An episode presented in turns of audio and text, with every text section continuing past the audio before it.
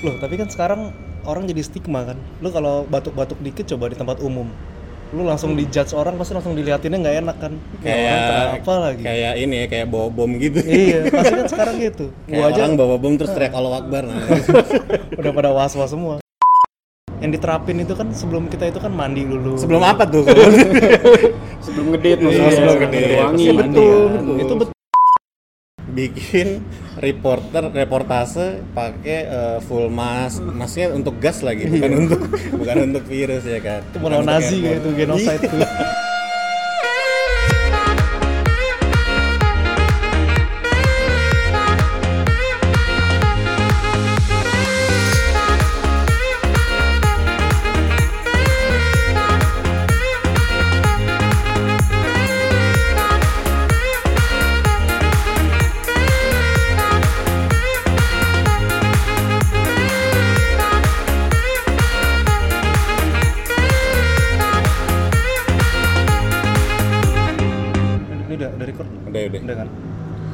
halo. Woi. Eh, kita udah di podcast Adlib episode ke 100 berapa nih? 184. Serat- ya pokoknya banyak deh. Tapi yang rilis cuma? Ya rilis cuma dua. Mohon maaf ya buat yang mungkin ada yang nungguin. Asik. Halo ada yang nungguin. Ini kita eh, ada sedikit permasalahan dalam siapa yang mengerjakan untuk ngedit sama sibuk juga maklum. jadi kita lama banget nih nggak update nih Hmm. nih sekarang kita mau bahas tentang yang lagi hot nih Iya. ini sekarang tanggal 21 21. bulan Maret tahun 2020 itu sedang eh, hot atau bukan hot ya sedang outbreak di dunia Pandemik. pandemik tentang coronavirus Hmm. Eh, ini sedikit aja sebenarnya COVID itu bukan nama virusnya tapi virusnya itu namanya SARS-CoV nomor 2 sedangkan COVID-19 itu adalah nama penyakitnya Hmm. Terus di sini kita nggak berdua doang ya, Dip ya. Kita kedatangan tamu spesial untuk pertama kali ya muncul di podcast. Teman kita namanya Mufti Rian. Halo, halo. Halo. Dia ini merupakan pekerja Hmm. di di bilangan Sudirman masih nggak sih? Sudirman. betul. Sudirman ya. Sudirman ya. Jadi terhormat banget nih. Wih, mantap. Sengaja kita undang supaya ngasih informasi-informasi mengenai dampak dari penyakit ini di dunia kerja kali ya. Buat yang belum tahu situasinya gimana, yang selama ini mungkin sempat bertanya-tanya gimana sih kerja eh di dampak di pekerjaan, terus Sektor dampak di bisnis. rumah sakit bagaimana Iya. sebagai frontliner. Dokter Dibiani eh, sebagai frontliner juga. Jadi silakan Dip, apa yang dibahas dulu Dip? Dari mana ya? Kayak corona hari ini udah berapa banyak tuh, Bon? Hari ini per Update. tanggal 21, kita baru dengar tadi dari eh, konferensi pers pemerintah Hmm. Itu positif 450 ya. Iya, 450. Positif 450 dengan yang eh, Dirawat. meninggal Oh, meninggal dulu. meninggal 38. Kemudian yang sembuh, nah yang sembuh nih jarang diberitain, beritain cuma meninggal doang. Yang sembuh tuh udah 20 Iya. gitu ya yang sembuh udah 20 kemudian yang terakhir yang dirawat dari 450 itu yang dirawat ada 392 Hmm. ya kan Secara presentasi gimana tuh? 38 Presentasi. banding 20. kok 38 banding 20 Ya sih 9 9% yang meninggal, 38 banding, banding 450 400 sisanya. ya kurang lebih 9% ya Iya, 9% yang meninggal. aktualnya ya lo hitung sendiri di kalkulator tapi yang penting adalah ternyata cukup tinggi mortality rate di Hmm. Indonesia ya Kenapa tuh? Anda sebagai yang frontliner gimana? Mana saya paham. Ya mungkin kalau gua dari pengalaman kerja di IGD ya. Gue nanganin kasus kadang-kadang mungkin corona ini kan yang di orang-orang takutin kan karena mereka nggak kelihatan kan gejalanya juga masih belum spesifik belum jelas terus nggak kelihatan dari tampak luar jadi bisa aja lo ketemu orang-orang sehat dia bisa positif corona Ya. nah itu jadi tantangan kita kan ya dan makanya memang angka ini juga aslinya bukan angka real yang ada di di Jakarta atau di daerah semua sekitarnya karena mereka banyak yang belum dites juga. betul Di sini aja jadi kalau corona itu kan kita bagi dua tuh nanti dari eh, apa secara penanganannya. Jadi ada Iya. kita masukin dua kategori, ada yang PDP, pasien dalam pengawasan. PDP itu biasanya orang yang udah mengarah ke corona. Misalkan udah ada gejalanya kayak dari demam tinggi, batuk pilek, sesak, mencret yang ada sesuai kriteria, nanti lu pada bisa baca kriterianya Mm-mm. sama ada ODP. ODP itu biasanya yang ada Kontak. riwayat kontak sama tapi belum ada riwayat nah, belum ada Eh, belum riwayat- ada gejala. belum ada gejala tapi dia pernah riwayat kontak misalkan dia pernah keluar negeri dalam waktu 14 hari atau di tetangganya ada yang atau orang rumahnya ada yang sakit ada terkonfirm itu masuknya ODP nah jadi kalau dari PDP ini data kita sekarang tuh tanggal 21 Maret dia ada 528 jadi eh, 313 itu udah dirawat dan 215 itu dia pulang dalam keadaan sehat. Terus ODP ini yang masih banyak karena ODP kan tuh kayak screening apa ya kayak tempat sampah. Jadi semuanya orang bisa dimasukin ODP dan menurut pendapat gue juga semua orang Jakarta sekarang karena udah uh, local transmitted itu udah bisa masuk kategori ODP, ODP. sebenarnya makanya eh, memang sebaiknya orang Jakarta nih bukan orang Jakarta orang yang bekerja atau yang teng- tinggal di Jakarta termasuk mungkin asisten rumah tangga segala macam itu memang disarankan atau sebaiknya eh, untuk tidak pulang kampung kan untuk tidak keluar dari Jakarta karena memang beresiko membawa virus atau menularkan virus ke daerahnya masing-masing. Betul.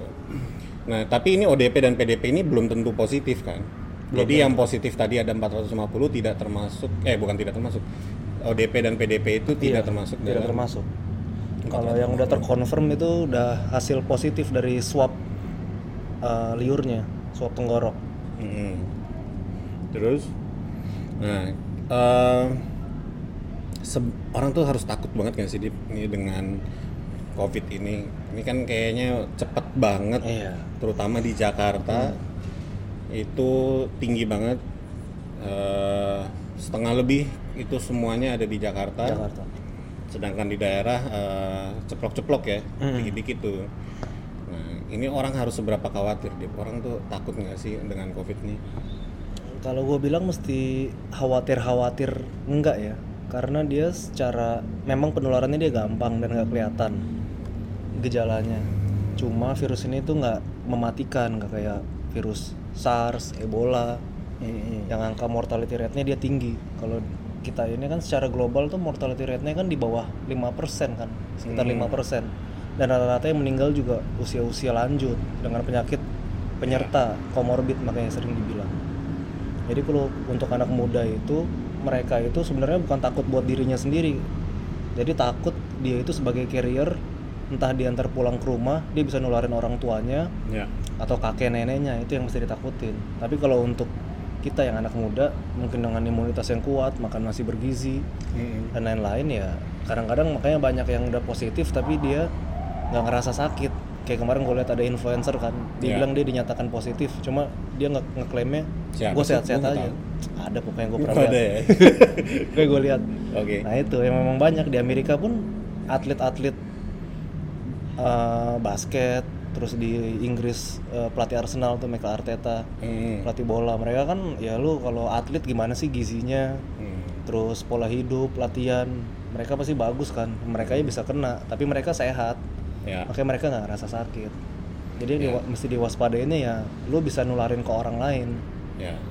Jadi intinya tuh sebenarnya orang kalau eh, terinfeksi atau positif terinfeksi virus eh, corona ini bukan berarti pasti sakit ya kan. Itu satu. Yang kedua eh, karena nggak sa- belum tentu sakit ini lo harus hati-hati bisa menularkan orang lain terutama kelompok yang high risk tadi kan Iya. untuk orang yang di atas 60 tahun atau 65 tahun kemudian pasien dengan eh, bukan pasien maaf orang dengan penyakit eh, penyerta kayak diabetes terus atau ada gangguan jantung itu semua bisa eh, kondisinya lebih berat untuk eh, menjadi penyakit covid ya bisa bahkan sampai meninggal gitu nah ini tamu kita nih kan kita nih udah udah apa ya udah seminggu ya kira-kira kita bergaung tuh untuk work from home, Iya, social distance. social distancing nih. Gimana nih dari dunia kerja nih gimana nih? Pra- Berpengaruhnya Iya, gimana pengalamannya? Lo udah work from home berarti seminggu? Iya, gue work from home itu dari mulai hari Senin. Senin Hari Senin gue work from home sampai sekarang. sampai sekarang ya. Hmm. Ini kalau boleh tahu lo kerjanya di apa nih? Di Gua- kantor mana iya. mungkin atau di Gua daerah mana? Kerja di salah satu startup. Mm-mm. Kantor gue di daerah eh, Sudirman, Ya. di Jalan Sudirman dekat karet karet situlah karet Oke. Sudirman. Ya sebetulnya impactnya mungkin ke produktivitas ya. Produktivitas. produktivitas. Jadi eh, yang namanya di kantor kan sebetulnya bedanya work from home sama kita kerja langsung di kantor kan sebenarnya interaksi ya. Interaksi. Interaksinya eh, pasti terkendala karena kan kita mau interaksi sama teman di kantor mau nggak mau eh, lewat teks, WhatsApp Ya. atau enggak kita setup meeting eh, virtual. Pakai Zoom tuh ya lagi Pakai lagi Zoom, ngetren on ya. call, on On call. ya. Nah, Phone call. itu dia. Oke. Opol, kopi online. Yoi. Apalagi kalau kalau di gua sih pasti terkendalanya itu kalau misalnya gua harus berhubungan sama departemen lain misalnya di internal perusahaan. Oke. Gitu sih. Sejauh itu sejauh ini sih masih fine bisa dibilang ya. Hmm. Karena eh, tergantung industrinya tuh kalau menurut gua. Kalau misalnya kantor lo industrinya lagi turun karena coronavirus eh ya pasti kerjaannya mulai mulai sedikit lah, mulai sedikit karena bisa dibilang ya industri lo terganggu gitu. Itu waktu Senin itu lo work from home sebenarnya kalau sendiri yang memutuskan work from home atau emang dari kantor udah mutusin udah deh semuanya libur aja deh bukan libur semuanya kerja Dari dari rumah aja kantor himbauan masih himbauan, jadi untuk work from home gua harus kalau di kantor gua harus eh, dapat izin dari atasan. hmm. Tapi sejak Jumat kemarin mulai tuh eh, ada himbauan untuk mandatory work from home. Oh. karena mungkin ya itu tadi di Ngelihat keadaan. iya, ngelihat datanya udah mulai banyak gitu Iya, ya. iya, iya. dan pastinya ya itu local transmissionnya udah udah udah mulai banyak di Jakarta soalnya awal-awal kan eh, banyaknya kasusnya tuh dari import kan oh iya dari luar. dari luar. kebetulan bos lo juga orang luar kan ya setahu gua iya eh, banyak yang ya dari dari luar Indonesia lah. Hmm. Nah, Tapi orang luarnya yang aktif penerbangan. Kalau orang luar udah stay di sini lama sih. Iya, stay di sini lama sih dia. Ah. Dia yang setahu gua sih ya dia eh, di sini permanen lah gitu. Hmm. sejauh ini di kantor lo aman ya nggak ada yang ter Sejauh ini belum ada suspek? yang suspek coronavirus sih. belum ada ya Gitu. Yang sakit batuk-batuk gitu Sakit batuk-batuk itu mungkin ada. ada. Hmm.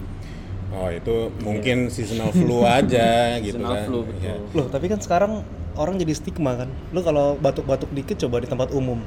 Lu langsung dijudge orang pasti langsung diliatinnya nggak enak kan. Ya, orang kayak kenapa lagi? kayak ini ya kayak bawa bom gitu iya, pasti kan sekarang gitu. kayak Gua aja orang bawa bom terus teriak Allah Akbar nah udah pada was-was semua. padahal cuman bersin Iya, padahal Apalagi bersih. lagi musim hujan juga kan. Lagi musim Iya, kayak Kena gini. hujan besoknya batuk. Itu mungkin stigma di stigma tuh berkembang Iya, yang susah kan. juga memang untuk ngatur juga Iya. Hmm. Itu wajar juga gitu orang pasti takut parno ya Iya, kan Parno pasti.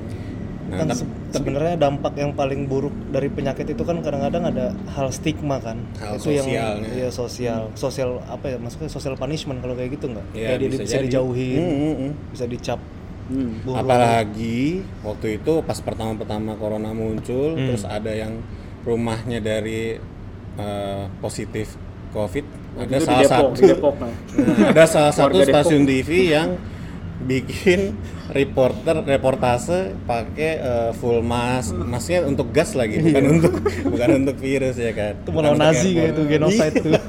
itu kan sebenarnya nakut-nakutin kan jadi Betul, menambah bikin- pembentukan bikin- stigma bikin yang panik ya. jelek iya bikin panik Hmm. gitu jadi ya itulah eh, memang semua nih orang Indonesia nih ya di satu sisi memang eh, karena ketidaksiapan dari negara kita Hmm. akhirnya membuat situasi menjadi makin panik.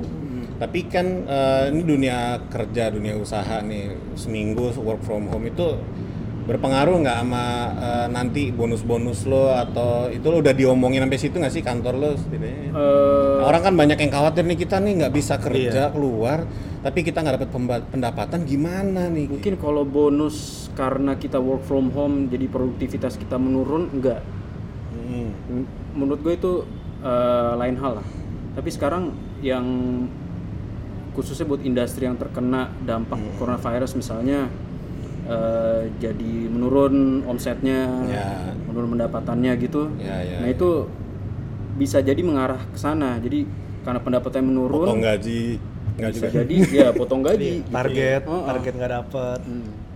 Ya, ya. bisa jadi nanti eh, bonus tahunnya nggak keluar karena memang Iya. perusahaannya ya lagi Apalagi ini kita mau lebaran. Nah, kan. Biasanya kan ada THR. Hmm. Apalagi kayak dokter nih THR-nya kan biasanya dari eh, take home pay bulan sebelumnya. ya kayak gitu-gitu Iya. pasti pengaruh Iya, sih. iya, betul. Iya kan? Iya pasti, apalagi industri yang berkaitan sama pariwisata tuh. Iya. Iya, pasti kan. Dan sudah di dari untuk Jakarta sendiri sudah diputuskan untuk semua pak pariwisata tuh Ditutup. ditutup ya. Tuh. dan per Senin depan tempat hiburan mulai ditutup Hiburannya apa itu Dip? Kalau boleh tahu. ya pub Oh, klub pub. spa Oh, karaoke. spa. Iya, iya. nah itu pada mulai tutup Sedih nggak Dip? Ya enggak lah Oh, lu kan, enggak. lu kan customer tetap makanya sekarang udah pada Oh, harga enggak, diskon aja judge. nggak ada yang ke sana tapi itu ya itulah dampaknya ya. Dampak. Akhir- Tapi mau nggak mau harus diambil keputusan seperti Iya. itu karena Ya, karena jumlah wisatawan kan berkurang Iya. drastis, pasti. dan berdasarkan pengalaman kemarin kalau nggak dipaksa kayak gitu orang tetap ke Anyer, orang tetap ke betul. puncak ya kan. tapi sebenarnya kenapa sih Bon alasannya pemerintah tuh mesti nutup kan kadang-kadang orang suka ada yang kesel kan kenapa sih kok gue mau wisata ditutup-tutup segala jadi Iya. apa yang mendasari pemerintah tuh nutup tempat-tempat hiburan itu kan misalkan hak kita kan Ya, hak seorang warga negara gitu ya intinya awal eh, kembali lagi alasan medis bahwa orang kalian itu mungkin tidak merasakan sakit Hmm. tapi bisa ter- sudah terinfeksi oleh virus corona ini bisa aja gitu. Dan itu bisa membahayakan eh, orang lain maksudnya bisa mentransmit ke orang lain. Dan kenapa harus sampai akhirnya diambil kebijakan ditutup gitu? Karena ya mungkin pemerintah pengen memaksa orang untuk tetap di rumah. Hmm. kemarin ditutup cuman ancol ternyata orang tetap banyak yang liburan Carita. ya kan? tetap cerita tetap nyari alternatif ya Ada kan aja. ada aja jadi ya mungkin memang pemerintah harus mengambil kebijakan seperti ini gitu Hmm. untuk memaksa orang tetap di rumah dan itu untuk kebaikan kita semua juga supaya Hmm. Betul. cepat yang namanya flattening the curve ya Iya. kan supaya eh, yang positif ini tidak naik Tambah secara jumlahnya ya. Iya secara masif tapi bisa ditahan gitu. Jadi stay at home tuh ngurangin penularan kan. Penularan sebenarnya bukan hanya penularan, bukan hanya untuk jumlah. anda sendiri tapi Iya. untuk orang lain. Iya. Gitu. Hmm. Terus Ya, make sense lah. Hmm. iya makanya eh, setuju sih untuk ngelakuin hal kayak gitu.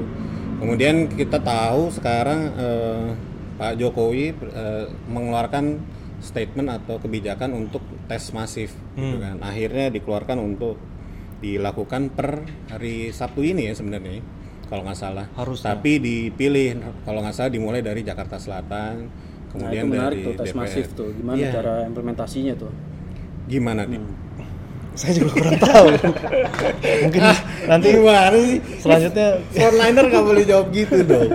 kita undang orang pemerintahan yang punya regulasi Eh, karena gini Bon sebenarnya di frontliner itu yang terjadi ya ada regulasi yang masih simpang siur gitu Hmm. bukan simpang siur sih Regulasi di rumah sakit. regulasi di apa rumah gimana? sakitnya dan implementa- implementasi di lapangan tuh kadang-kadang suka beda suka susah mungkin Misal, mungkin kalau dari regulasi misalkan ketemu pasien PDP nanti kita lakukan cek darah sama ronsen terus kita kirim datanya ke posko Hmm. nanti dari posko ada yang jemput buat rujukan mungkin kalau orang baca kan enak kan hmm, oh kayaknya seakan-akan tuh prosesnya lurus-lurus aja gampang aja. Hmm. lempeng ntar tiba-tiba pasien udah dijemput dibawa ke rumah sakit rujukan terus diperiksa positif. Kalau positif dirawat kalau negatif nanti boleh di eh, karantina di rumah. Nah, cuma kenyataannya eh, angkanya itu kan di Jakarta cukup tinggi. Jadi seringnya itu rumah sakit juga overload. Rumah sakit Overload. rujukan. Rumah sakit rujukan yang overload otomatis kalau ada pasien-pasien baru mau masuk mereka harus nunggu dulu kan bukan cuman kapasitasnya aja yang kurang ya menurut gua. Tapi armadanya untuk ngejemputnya itu juga mungkin masih kurang. Gua tenaga medis ya jumlah tenaga tenaga medis, ya. medis. Tenaga medis sama jumlah armada ambulans ya kan kita harus dibawa pakai ambulans kan harus proper. Tapi kalau buat orang yang langsung ke rumah sakitnya gitu gimana? Kalau yang langsung ke rumah sakitnya itu Orang tuh boleh nggak sih minta untuk dirinya diperiksakan? Dia ngerasa nih kayak saya ngerasa Hmm. nggak mulai nggak enak badan nih udah mulai demam, udah dua hari, terus makin lemes gitu, terus saya ada riwayat kontak nih kemarin habis ketemu orang Jepang dari nah itu kan banyak tuh kita Iya, dengar di kayak media gitu kan kayak gitu Boleh nggak sih dia sendiri datang terus memeriksakan dirinya itu? Jadi kalau dari anjuran pemerintah itu sebenarnya kalau orang yang udah ngerasa misalkan aduh gua ke infeksi corona nih, ada gejala-gejala yang tadi udah disebutin semuanya kan. Nah, itu harusnya kita tuh telepon ke hotline. Hotline. Heeh, hotline 14 corona. 045. Hmm, Berapa hotline-nya? 112, 119. Oh, bukan 0809 Jadi telepon, nanti kita bakal bilang tuh, misalkan saya alamatnya di sini sini sini dengan keluhan ini ini. Nah, nanti ada orang surveillance dari daerahnya itu akan datang ke rumahnya. Oh, datengin ke rumahnya. ke rumahnya. Ngapain tuh? Nanti dia akan meriksa. Jadi ada form yang harus diisi, terus dia meriksa. Kalau perlu di swab dia di swab. Tapi setelah itu dia di diajarin, diedukasi.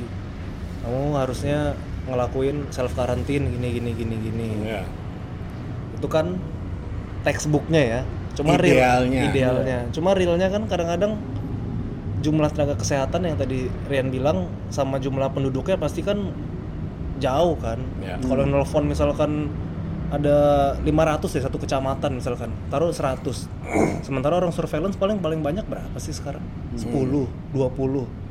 Terus mereka datangnya pasti kan butuh waktu kan. Nah, kadang-kadang Jadi yang daerahnya di mana di iya mana di mana masuk-masuk Ya. daerah. Nah, yang sering terjadi pasti kan masyarakat bilang, "Oh, ini kok penanganannya lama nih. Gua udah nelpon dari jam segini sampai jam segini belum datang-datang juga." Karena cenderung tuh tendensi kalau orang sakit itu dia nganggep dirinya gawat. Padahal belum tentu gawat juga Belum kan. tentu, Mungkin ya. dia panik nih. Gua udah sesak napas, batuk, demam tinggi. Gua udah gawat nih harusnya nih. Kenapa gua nggak disamperin? Kenapa pemerintah nyuruh gua di rumah telepon aja? Kenapa nggak nyuruh gua langsung datang ke rumah sakit? Hmm. Nah itu yang ditakutin, yang ditakutin kalau datang ke rumah sakit, lu misalkan dianterin sama yang orang sehat, bisa resiko juga ketular. Si tiba-tiba naik, ah, naik grab, naik taksi, resiko juga. Mm-mm. Kalau bawa kendaraan sendiri kan dia ngaku sakit pasti nggak bakal mau kan. Ya. Nah itu, makanya yang jadi masalah ya sebenarnya kalau masalah kesehatan ya dari dulu kompleks sebenarnya sih. Ya. Bukan cuma masalah tentang manusia dan penyakitnya, tapi pasti ada area-area sekitar itu yang mungkin orang harus paham. Jadi mesti ya makanya kan dibilang kalau corona, ini kan mesti apa ya kayak bareng-bareng gotong royong akhirnya. Gotong royong. Jadi orang saling pengertian mana yang lebih didulukan. Makanya kemarin gue sempat juga lihat di TV itu orang udah mulai mengedukasi itu apa sih triase kalau datang ke rumah sakit. Hmm. Karena sekarang orang sakit tuh datang ke IGD semuanya langsung pengen diperiksa. Ya, karena kepanikannya triase, itu. Mereka nganggap demam tinggi udah keringet dingin itu gawat. Sebenarnya kan kegawatan itu apa sih kalau dari demam? Ya hiperpereksia kan di atas 40 kan. Ya. Kalau masih di bawah itu ya masih oke lah. Oke, tapi orang sebenarnya khawatir tuh ya wajar juga ya kan Wajar, karena iya. banyak ketidaktahuan, Nah, itu. sosialisasinya mungkin kurang. Hmm. Kemudian ditambah lagi dengan buzzer-buzzer yang Nah. disewa Pak Jokowi kayaknya kurang bermanfaat ya kan. Hmm.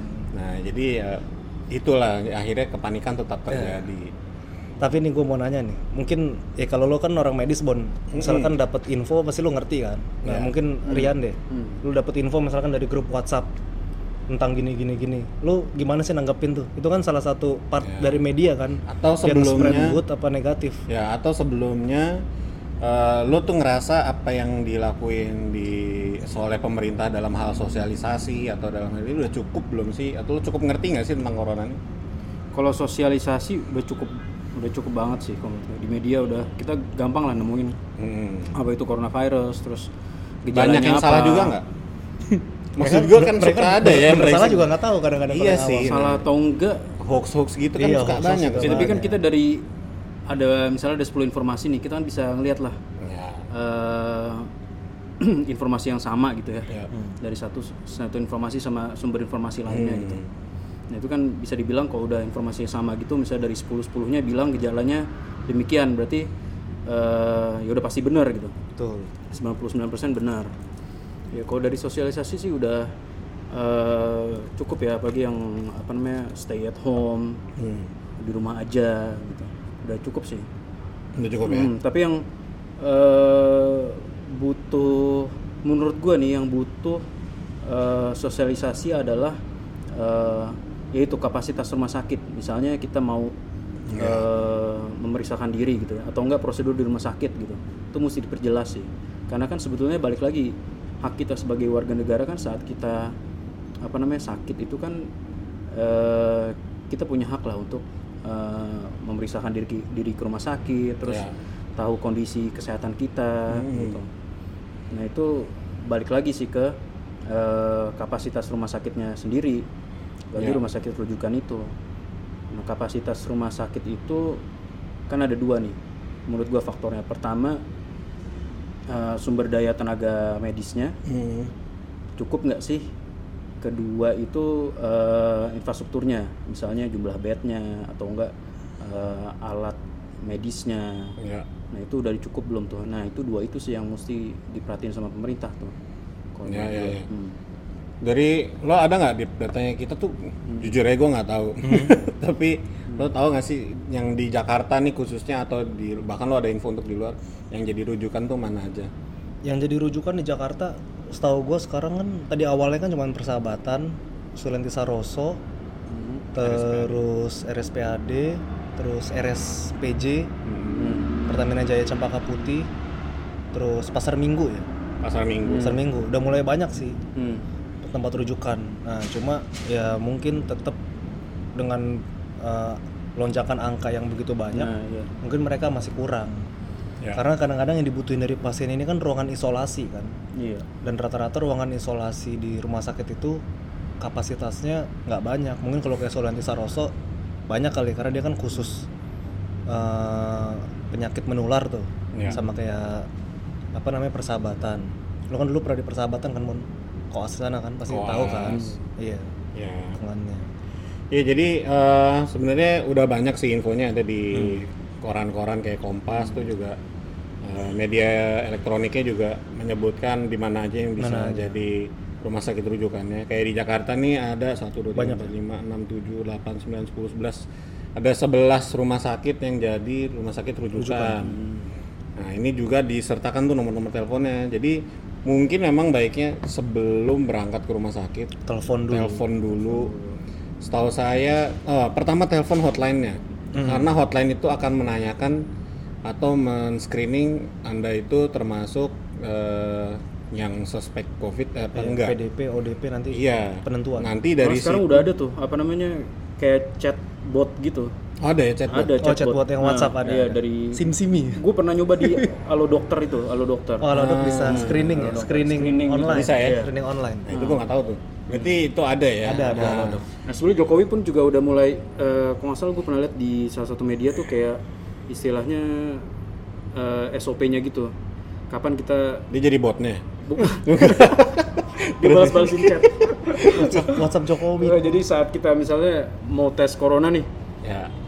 Kita harus bisa deteksi diri kita dulu. Jadi saat apa namanya eh, pertama pertanyaan tuh kalau nggak salah udah pernah kontak sama orang yang corona atau belum? Misalnya ya, terus apakah mengalami demam? Kalau misalnya ya, terus alur ya udah ya, alurnya alurnya udah ya. ada gitu. Ya. Nah, dari situ ya mungkin kalau buat eh, apa ya orang-orang yang udah eh, punya akses informasi lebih bagus nih Ya. kayak punya smartphone segala macam bisa tuh dicek sendiri lah Kalau Ya, misalnya ya, ya, kita ya, nggak enak ya. Hmm. badan kita sebenarnya kita bisa kan mendeteksi kita diri kita Ya. sendiri gitu dari situ aja dulu sih menurut gua Ya, memang eh, pesennya sih eh, di samping kalian eh, merasa dirinya tuh sakit atau enggak, tapi harus diingat juga bahwa kapasitas rumah sakit tuh atau kapasitas eh, tenaga medis tuh terbatas. terbatas Jadi memang harus ditapis dulu, ya kan? Nggak semuanya yang ngerasa demam atau ngerasa atau sesak gitu itu yang langsung gua nggak tahu tuh ini SOP di rumah sakit gimana sih saat nah mungkin itu tuh yang mesti disosialisasiin juga. Mungkin gue mikirnya gini kayak, kayak misalnya di satu rumah sakit rujukan itu kan nggak mungkin pasiennya itu corona semua. Betul. Nah bisa bisa tuh di rumah sakit dibuat SOP untuk pasien yang gejala corona atau enggak dia melapor dia punya gejala gejala corona antriannya dipisah sama pasien yang bukan gejala corona atau enggak eh, punya Iya. apa namanya ini masalah kesehatan supaya lain orang nggak Iya. takut juga ya Iya. ke Yes. rumah sakit Ah, jadi ada dipisah lah gitu, ada ruangan khusus lah atau apa gitu. gimana din Jadi kalau di rumah sakit gua uh, mulai sekarang dari awal tuh dari luar udah di screening duluan. Hmm. Screening, lu misalkan ada gejala demam tinggi sama masalah pernapasan, mungkin yang arahnya ke corona, mirip-mirip, dia udah dipisahin tuh. Hmm. Dipisahin, nanti di screening di tempat khusus. Jadi kita sekarang udah punya tenda di luar gitu, posko. Nah nanti di situ dilakukan pemeriksaan dan lain-lain. Dan kalau misalkan kita nggak ada keluhan itu, kayak misalkan cuman nyeri lambung dan apa-apa, nanti bolehlah dia masuk ke mana gitu IGD. Nah cuma kan kadang-kadang eh, orang itu mungkin datang dia dengan panik kan, jadi dia bilang ada semua gejala kan, ya kita ke rumah sakit. Nah itu yang mungkin bisa bikin miss. Hmm. Sebenarnya kan sistem udah tertata, tapi kan ya tetap balik lagi ke SDM. Iya sebenarnya. Mungkin juga orang triase yang di depannya kurang teliti, Hmm. atau kadang-kadang juga mungkin keterbatasan tempat yang di depannya itu bukan orang medis jadi cuman orang uh, sekedar administratif atau uh, security jadi mereka cuman ngelihat aja oh ini misalkan ada nggak ada batuk pilek demam ini nah kan karena corona kan juga ada juga uh, yang dia tanpa gejala kan malah di Iya. luar di luar negeri tuh ada yang cuman gejalanya mencret doang main thread doang ya mencret doang ada Diare gitu ya. Ah, diare doang. Tapi biarpun presentasinya kecil, tapi kan tetap ada kemungkinan kan. Nah itu kan yang nggak hal-hal yang nggak bisa kita prediksiin karena yang itulah yang orang-orang mesti lebih paham lagi. Jadi kadang-kadang ada orang ngejudge, oh ini kok pasien corona sama pasien biasa digabungin sih. Iya dijadiin satu Ah, gitu ya. Ini sengaja mau bikin kita sakit juga apa gimana sih? Rumah sakit Hmm. nggak bener. Nah itulah yang orang-orang kadang-kadang tolong lah Heeh, kita minta tolong kalau usah masyarakat lah ngejudge ngejudge kayak kita gitu. juga nggak asal kayak gitulah pasti dalam bekerja gitu kan kita ada tuntunan SOP cuma kita kan manusia juga kita nggak bisa ngelihat orang realnya tuh dalamnya kayak Kalaupun gimana memang belum sesuai standar, ya coba kalian mengerti ini kan Indonesia ya kan. Kadang memang ya kayak gini maksud saya bukannya menjelek-jelekan negara sendiri, tapi kan memang kita ter- sangat terlihat tidak siap menghadapi pandemik-pandemik seperti ini gitu. Jadi mohon pengertiannya, nggak ada pasti kita maksud untuk mencelakakan orang lain pasti. Hmm. Itu. tetap nomor satu kita kerja sebagai tenaga medis ya pasti bakal berusaha ngasih yang terbaik buat orang lain cuma kan Iya. Di balik usaha itu kan kadang-kadang namanya manusia ada kesalahan juga kan Ya. entah, entah human error kesalahan sistem kekurangan tenaga medis Ya. Pasti pasti. Nah, tapi kalau ngomongin si kembali ke tempat kerja tadi, kantor lu tuh beneran semuanya nggak ada yang masuk ya? Atau masih ada yang harus masuk?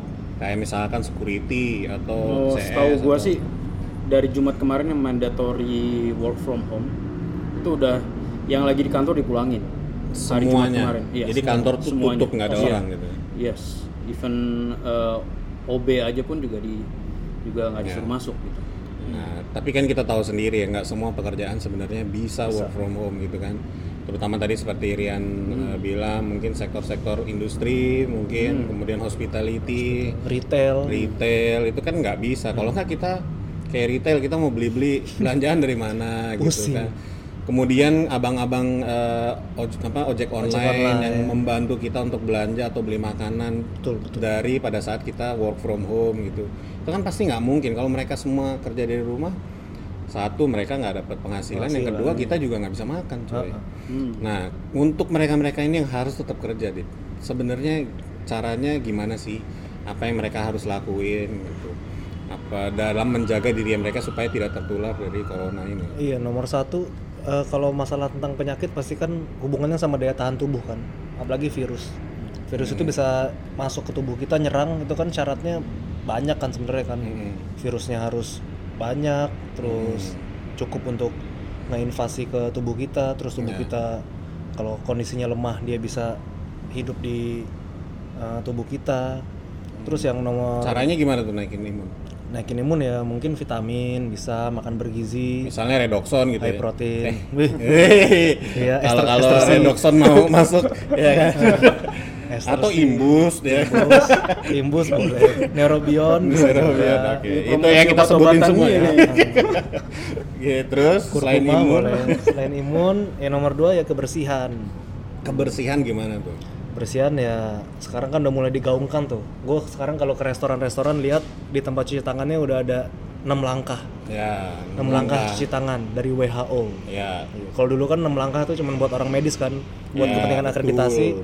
Kalau sekarang orang awam juga harus tahu. Nanti lu 20 bisa detik enam itu lang- 20 detik gue nanya Nah. eh, Minimal. cuci tangan 20 detik tuh ngaruh beneran beneran. Beneran. Jadi itu udah ada penelitiannya, dia tuh bisa mengurangi berapa banyak bun ya? Gue nggak tahu tuh. Tapi Banyak pokoknya lah. mengurangi banyak lah. 99% virus lah ya di tangan jelas. Maksudnya itu eh, dianggap saat ini yang paling efektif. Paling efektif. Caranya itu. Karena ada videonya bisa lihat bisa lihat di Instagram saya. Itu saya udah ngepost video eh, dia cuci tangan bukan pakai sabun tapi dia pakai sarung tangan terus ada tintanya gitu. oh Dia nunjukin kalau dengan enam langkah itu seluruh bagian tangan sampai Merata selasa itu semua rata. Hmm. Oh, oke oke Jadi nah itu- 20 detiknya gue mau nanya detail nih 20 detiknya itu 20 detik saat kita dari mulai kena air tangannya atau enggak atau Bukan kita dari air. 20 detik itu sebenarnya Dari untuk sabun. hand sanitizer. Sanitizer. oh Kalau untuk cuci tangan pakai air eh, mengalir itu 60 detik. 60. wow lebih lebih lama Iya. Jadi memang eh, mungkin seka- eh, seka- apa sekalian meluruskan 20 detik tuh untuk yang pakai hand sanitizer ya. Kenapa 20 detik? Supaya orang nggak buru-buru cuci tangannya. Iya. Kalau buru-buru tuh nanti akhirnya nggak akan aja. rata gitu. Hmm, Cuma asal. Itu cuman ya sebenarnya nggak mandatory 20 detik. kalau cuman air mengalir pakai sabun pakai 60 sabun detik. 60 detik karena bisa sampai apa lebih lama lagi supaya lebih lebih santai Oh. lagi gitu itu emang tujuannya kayak gitu emang sebenarnya kan 20 60 tuh angka supaya orang gampang inget Hmm. biasalah kita dalam membuat guideline tuh suka bikin angka-angka yang eh, bu, genap dan supaya orang gampang mengingat Hmm. dan supaya orang santai dalam eh, cuci tangan sehingga bisa Hmm. rata Acuan. Tapi kalau cuci tangan Acuan. semenit bisa diteriakin orang belakangnya juga ya. Iya betul sih. ya yang dia tahu sendiri kalau udah membiasakan diri, udah Iya. bi- udah bisa ah, sebelum 60 detik selesai sih bisa. Nanti lah. Nah mungkin ini salah satu part bagus dari corona kali ya. Jadi kita lebih dipaksa hidup tuh lebih sehat, Betul. lebih safety, Ya. Terus tadi apa lagi selain kebersihannya selain kebersihan. Nah itu hand, sekarang kan sabun, hand sanitizer. Nah ini juga termasuk orang-orang yang panik buying hand sanitizer. Oh, tadi dulu sebelum panic buying, orang kalau ke kantor Hmm. atau tetap harus eh, bekerja di kantor, sebaiknya pada saat pulang itu eh, anggap aja dirinya ada paparan coronavirus. Hmm, Jadi langsung mandi sebelum nyentuh apa-apa, sebelum nyentuh eh, istri atau suami atau anak Atau Anda, selingkuhan. atau selingkuhan Pacar. atau LC itu pokoknya Apa itu Jadi, LC? intinya kalian harus eh, mandi Nah, membersihkan diri kalian memastikan virus itu semua mengalir Dan satu lagi, ada anjuran juga dari pemerintah. Jadi ketika kita berangkat kerja sama pulang kerja kalau bisa bawa baju ganti. tuh langsung Bawa baju baju ganti. gitu ya Ganti Ya, baju dulu. jadi pada saat berangkat dengan baju yang dipakai sampai kantor ganti baju, Ganti baju yang untuk bekerja, untuk bekerja, pas pulang. lagi pulang balik lagi, Balik lagi, ke kan. baju yang tadi dibawa pagi mesti banyak beli baju ya berarti Nah, iya, Betul. cucian otomatis nambah. nambah Ya, emang agak sengaja supaya sabun cuci itu naik harganya sama Bisnis ujung-ujungnya. konspirasi nih iya kapitalis bro iya. kapitalis Ya, untuk Rinso kalau mau ngasih sponsor kita. apalagi itu selain resort? Attack attack. Daya daya ya. John Banting. Ya gitu terus? Ya itu kebersihan. Eh, pola hidup terus ya jangan banyak nyentuh daerah muka. Ya itu penting. Terutama mulut. Anggap aja tangan kalian tuh selalu kotor. Jadi kalau mau megang misalkan hidung lo gatel gitu ya kan sering. Pinggir hidung gatel ya. Cuci tangan dulu lah pakai hand sanitizer baru pegang muka. Ngupil. Ngupil. Waduh kebiasaan paling enak kan? Kebiasaan Ngupil. kebiasaan gue orang main langsung pegang ba- muka aja nah ini harus dibiasain. Terus yang masih pacaran juga jangan biasain megang-megang muka pacarnya gitu karena itu bisa Muka yang lain boleh? Ya kalau megang ya makanya mandi dulu. Nah Oh, itulah mandi yang diterapin itu kan sebelum kita itu kan mandi dulu. Sebelum apa tuh? sebelum ngedate Iya, maksudnya. sebelum ngedate. wangi Iya, mandi betul, ya. betul. itu betul itu ya bisa diterapkan lah. Ya, ya, ya. kayak gitu gitu say